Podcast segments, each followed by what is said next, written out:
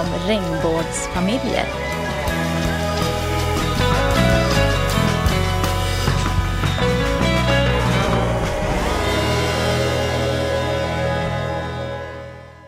Då säger jag hej och välkomna till Regnbågsfamiljspodden, Sannan och Robert.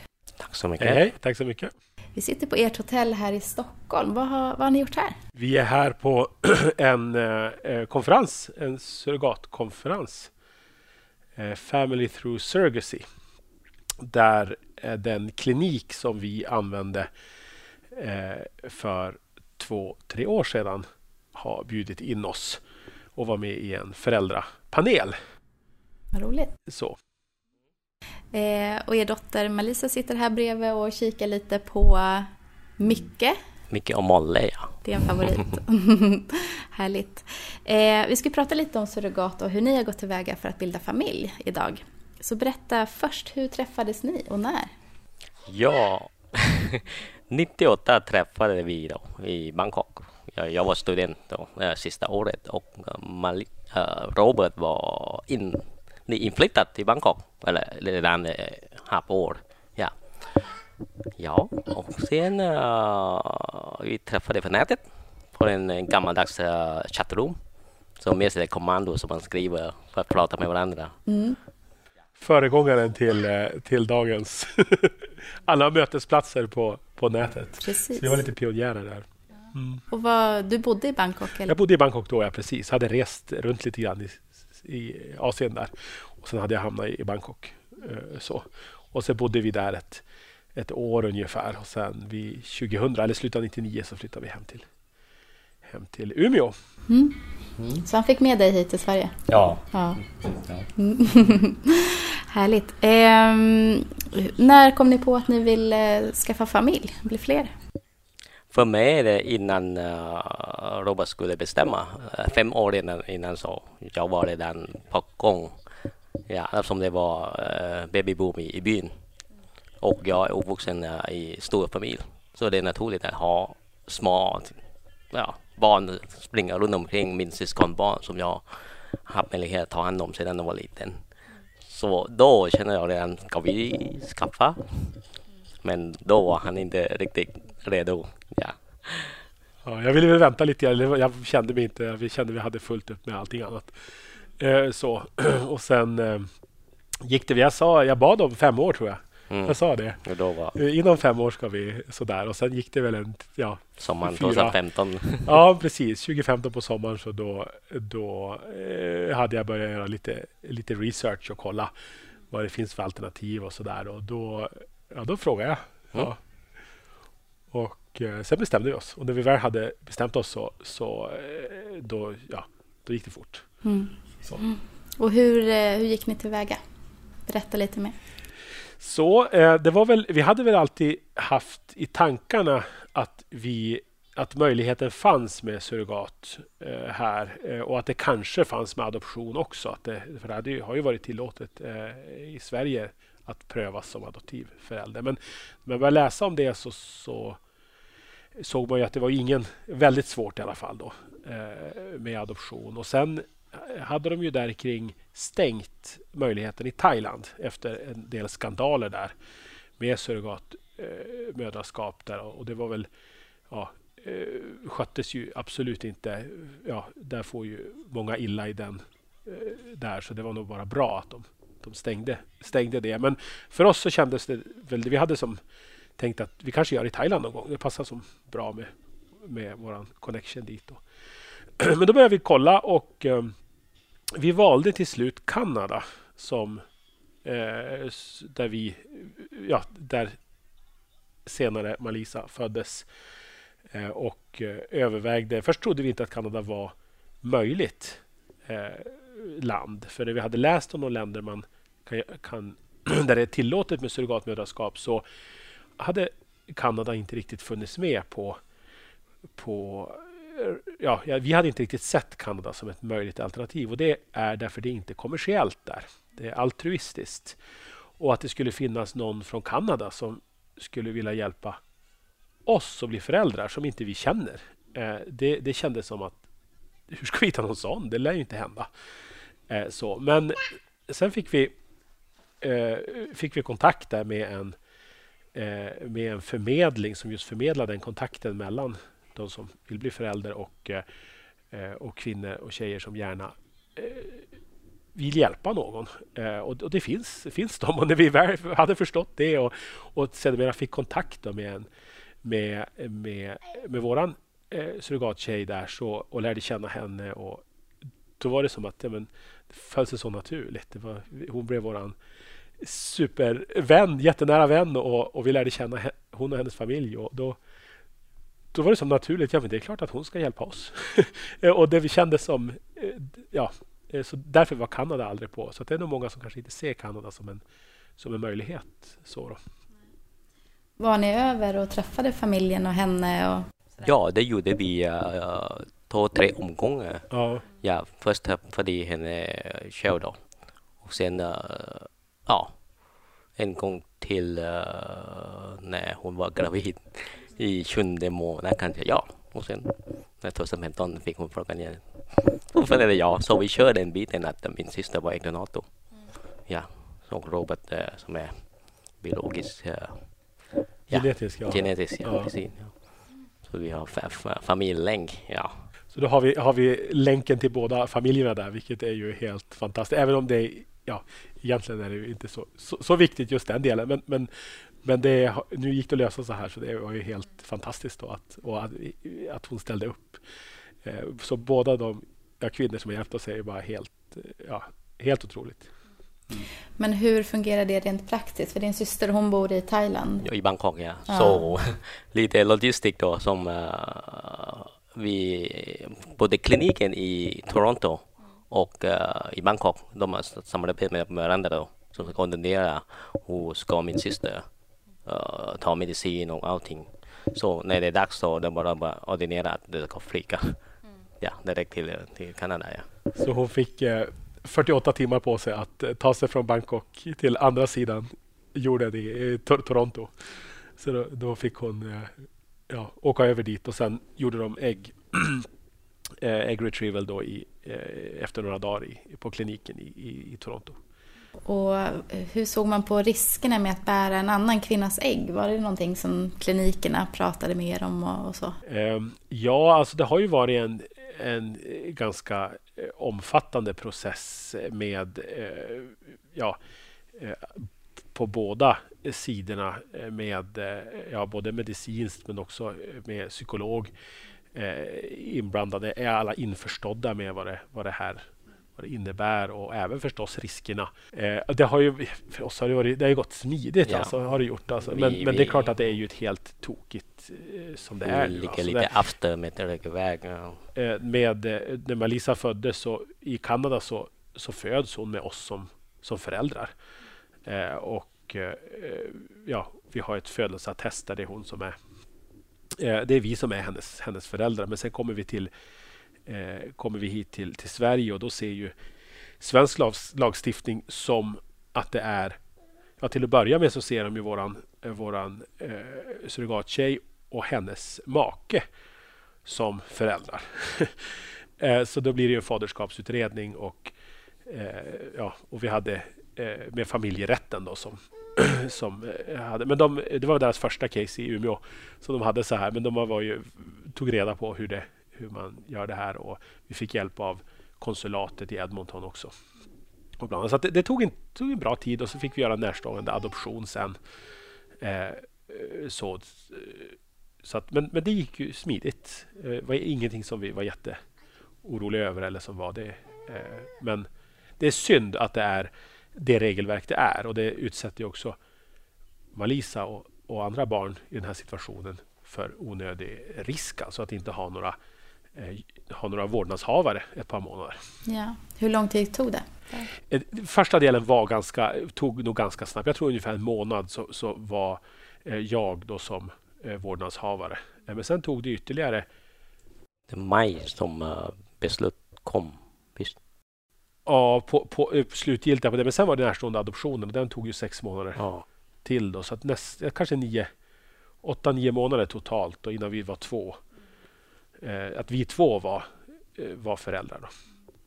Hur kändes den tiden för dig? Det är egentligen det bara, bara vad är det, formalitet på dokument, men för mig det, det är inte, inte att uh, jag var så någonting att de måste vara på papper. Det, jag var hela tiden med Marisa så det är in, ingenting för, för mig om det här skulle ta längre tid. Ja. Men självklart det man, man vill att det ska bli eh, uh, erkännande att det, det vi är familj. Mm. Det blir lite grann bara en, eh, ja, en formalitet men ändå på något vis lite eh, nästan lite löjeväckande när de ska komma, eh, ja, de kommer hem och gör en adoptionsutredning och kolla hur vi bor och hur vi, så här, när vi egentligen är föräldrar. Det är som, det är så. Men, men det var jätte, alla var ju jättesnälla eh, och hjälpsamma hela vägen. Så att, och alla förstår ju situationen så att det har inte varit några, vi har inte sett det som något så. Något jätteproblem? Nej. Sådär. Nej, vad skönt. Ehm, var ni med på förlossningen? Ja. Det var vi. Eh, så. Kejsarsnitt, ja. Kejsarsnitt var det. Hon hade gjort det tidigare eh, med hennes egna eh, två barn. Första gången hade det blivit ja, delvis akut eller ja, kejsarsnitt och då rekommenderar de ju kejsarsnitt därefter också. Så det var ju en av Eh, frågetecknen med vår eh, värdmamma här att om hon om hennes ärr från kejsarsnittet om det hade. Så det var en, en väldigt eh, omfattande utredning inför det. Då, då, Och se så att hon, hon var eh, fullt återställd och kunde, kunde vara gravid igen. Då, då. Eh, så. Då var vi med på eh, där. Vi stod och tittade genom ett fönster. Så, för det fick bara vara en inne på, Eh, eh, på sal där vid kejsarsnittet och då ville vi att det måste ju vara hennes make som ska vara nära där. Då. Eh, så, så, eh, ja, så vi, vi stod och kikade in genom rutan där då, och så hörde vi ett, ett skrik när det kom ut där. Så det var ju, ja. Och sen tog det ett par minuter och så kom, kom de ut med, med Malisa. Så, och sen fick vi senare, då gick vi gick vi över till, eh, till eh, vår surrogatmamma och, och eh, så. Sen låg vi, hon låg in ett par dagar och, och vi var där också. Så att, ja. Mm. Var ni kvar där sen ett tag i Vi var där i fyra veckor. Så först var det lite pappersarbete och sen var det då passet vi måste vänta på. Just det. Eh, och det tog, och det, vi fick det faktiskt strax innan eh, julhelgen där, och så det var ganska tajt på, eh, på men då var vi, kunde vi hämta ut hennes kanadensiska pass då, för då föds eh, hon, eftersom hon föds i Kanada så, eh, så är hon kanadensisk medborgare. Nu är hon svensk också, så hon har dubbelt medborgarskap idag. Om man tittar lite på föräldraskapet då. Ehm, hur är det att vara förälder? Vad är de största utmaningarna som ni ser? Är det som ni tänkte er? Nej, men det är helt fantastiskt. Det är, ju. Eh, det är ju helt underbart att ha, ha henne och eh, ja, hon gör oss ju... Ja, att vi får skratta varje dag och, och jätteroligt. Eh, så, men det är klart, det är lite utmaning också att, att ta hand om en liten och, och så. Men roligt att se henne utvecklas och lära sig saker och, och busa med henne. Och, och ja, jätteroligt. Mm. Vad säger du, Sanna? Ja, det är fantastiskt sedan hon föddes då. Så det var att ta hand om henne, det är den bästa. Man, man ger kärlek, man får tillbaka också. Ja, i någon form. Eller hur? Mm. Ja. Man får tillbaka mer, eller hur? Ja, precis. Ja. man ser att uh, hon växer upp och hon uh, har egen personlighet. Hon speglar av oss ibland. Ja, eller visar att hon har egen vilja. Ja, det var jätte, jätte ja helt otroligt. Om man får uppleva en sån. Mm. Bita. Får ni många frågor från andra? Nyfikna? Eller vad får ni för frågor från omgivningen? Alltså, jo, och det, ja, vi får ju lite frågor sådär, men, men vi ser att vi har pratat om det att här i Sverige är man lite, man lite blyg och frågar. Man är lite så här. Så, att, så det är faktiskt ganska långt mellan gångerna eh, eh att vi får eh, frågor här. Eh, vilket är, vi svarar gärna på frågor och, och det är ju jätteroligt eh, att berätta och vi är jättestolta över hur, hur eh, vi har fått Malisa och berättar gärna om det eh, Så. Men när vi är utomlands då, eh, och har varit och rest några gånger, då, då är det i vissa länder att det frågas mycket mer. Så där. Det är väl bara svensk mentalitet lite grann, att man, man inte frågar så mycket utan man är så. Men det är roligt, att jag tycker man ska ställa frågor. Så. Tänker ni när ni reser, tänker ni på vilka länder ni reser till? Har det varit en sån här fråga? Ja, vi, ja. De, de flesta länder kan vara ganska okej okay med uh, den här familjekonstellationen. Men uh, några länder måste vi kolla upp innan. Ja, några har ganska stränga ja, det var, regler. Min, min syster eh, skulle åka med ett kompisgäng som brukar fara på dyk eh, på dykresor.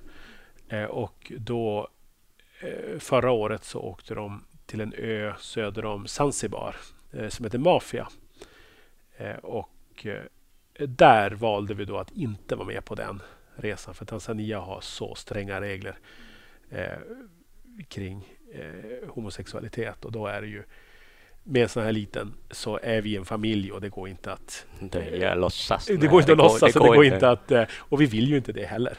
Så, så att då, då valde vi att inte åka. Det finns så många andra länder att åka till så att så där valde vi att passa på det. Medan kanske man inte har barn så är det så kan man ju eh, åka under radarn. Ganska, eh, kan man åka behöver man inte tänka så mycket. Men så det är lite skillnad med. Hur är det i Thailand hos din familj och så? Har ni varit mycket där?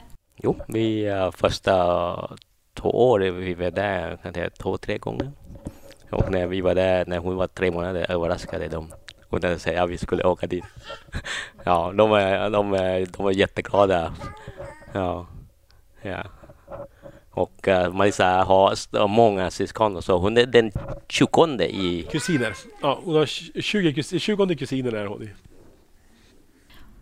Om man tänker på diskussioner som har varit kring surrogat och ekonomisk vinning och, och sådär. Vad, vad tänker ni kring det? Jo, men det är väl eh, ska jag säga, det har väl kommit upp nu senast. Det har varit hela tiden egentligen med och vi hade väl med i aspekten också när vi valde Kanada. Eh, men eh, nu var ju senast eh, när det var en granskning här och, och, och, det är ju helt förkastligt hur, hur vissa kvinnor i det reportaget får illa här. Och sen finns det väldigt det finns säkert bra exempel. Vi känner många som har varit också bra exempel på, på kommersiella arrangemang också. Då. Men det är ju i ja, vad vi har pratat om här i Sverige att införa är ju eh, ja, ett altruistiskt där det inte pengar är inblandat. Då, eh, så. Och det är ju som våran eh, värdmamma som har gett oss. Det är ju en helt fantastisk gåva hon har, eh, hon har gett oss och, och gett det utan att få, få någon, någon ekonomisk ersättning för det. Eh, och samtidigt en väldigt drivkraft hos henne att vilja ge det här också. Eh, och och, och det finns ju de som kanske har även de nära sig. Man kanske har ett syskon man skulle vilja hjälpa eller, eller så. Och att då behöva eh, att inte kunna göra det i Sverige eh, så på de grunderna tycker jag, är, tycker jag är fel och att man ska behöva åka eh, i så fall utomlands. Som, eh, att det borde vara reglerat då här, här i Sverige. Men sen kommersiellt är ju, finns ju risker med det. Att, det, att eh, ja, när det blir pengar som är drivkraften. Det behöver inte bara vara pengarna då, men, men eh, det, det, finns som sagt risker med, med det och det har vi sett några exempel på. Då. Har ni kontakt idag med er surrogatmamma? Mm. Mm. Så via Messenger och kör lite Facetime ibland. Och, och lite så. Då. Så vi lärde känna hennes, eh, hon och hennes familj jättebra eh, så vi, när vi var över där. Och, så vi är som en lite extra extra familj. Mm. Så vi kallar henne för gudmor. Mm. Oh, fint. Mm. eh, om ni skulle vilja ge lite råd då, till andra som står i startgroparna här och kanske också vill bilda familj på det här sättet. Vad är råden från er? Det finns jättemycket material. Gör research. Eh, läs på. Eh, om, som man, ja, Eh, Eh, så, så, gjorde vi i alla fall. att läs, Läste på så man, så man vet vad som vet vad som man ska förvänta sig. Eh, ja, så man är påläst helt enkelt. Både det eh, ja, biologiska i det här och, och, men även det juridiska. Och man kan, så har jag känt i alla fall. För det har jag känt att jag har varit eh, ja, haft eh, känt att man har varit i kontroll i processen för det är så många inblandade. Vi har varit inblandade kanske en 25-30 olika personer i våran Eh, allt från ja, advokater till, till olika läkare till olika sådär. Och då är det ja, att veta ungefär processen och veta är ju en, en trygghet. Sådär. Och, sen, och, och Kanada, eh, överväg titta på Kanada som ett alternativ. Eh, så Många eh, kikar kanske på USA eller andra länder men, men eh, Kanada har en ja, utomordentligt bra eh, regelverk kring det här som är som, som jag, jag vet inte, andra länder, USA på, på sina håll också bra men det vi har sett om Kanada känns i alla fall väldigt tryggt. Och, så. Om man tittar på Umeå då, hur, hur är det att leva i en liten, inte en jätteliten stad, men, men, men mindre stad än Stockholm till exempel? Hur är det att leva där, i den här familjekonstellationen? Um, ja, jag vet inte. Jag vet inte hur det är att bo i Stockholm med, med men det funkar väl bra. Det funkar jättebra. Så. Vi vill normalt. Ja, som, som, som vanligt. Så här. Ja. Kanske vi väl... saknar lite grann umgänget av uh, ja, samma familjekonstellation. Ja, det gör det det, det är Umeå mest uh, lesbiskt par. Ja. Och vi brukar ju vara på några regnbågsfamiljträffar och det, men, men vi har, eh, det finns inga, inga killpar i Umeå. Då, eh, så. Vi har träffat några från några grannstäder och sådär. Men, eh, men, eh, så det är väl kanske, och så bor vi i en liten by utanför Umeå också. Så att, eh, så, men vi, vi ja, lever som vanligt. Mm. så. Ni trivs. Ja. mm. Vad bra. Och då säger jag tack snälla för att ni var med i podden. Tack så mycket. Tack så mycket. För att med, ja.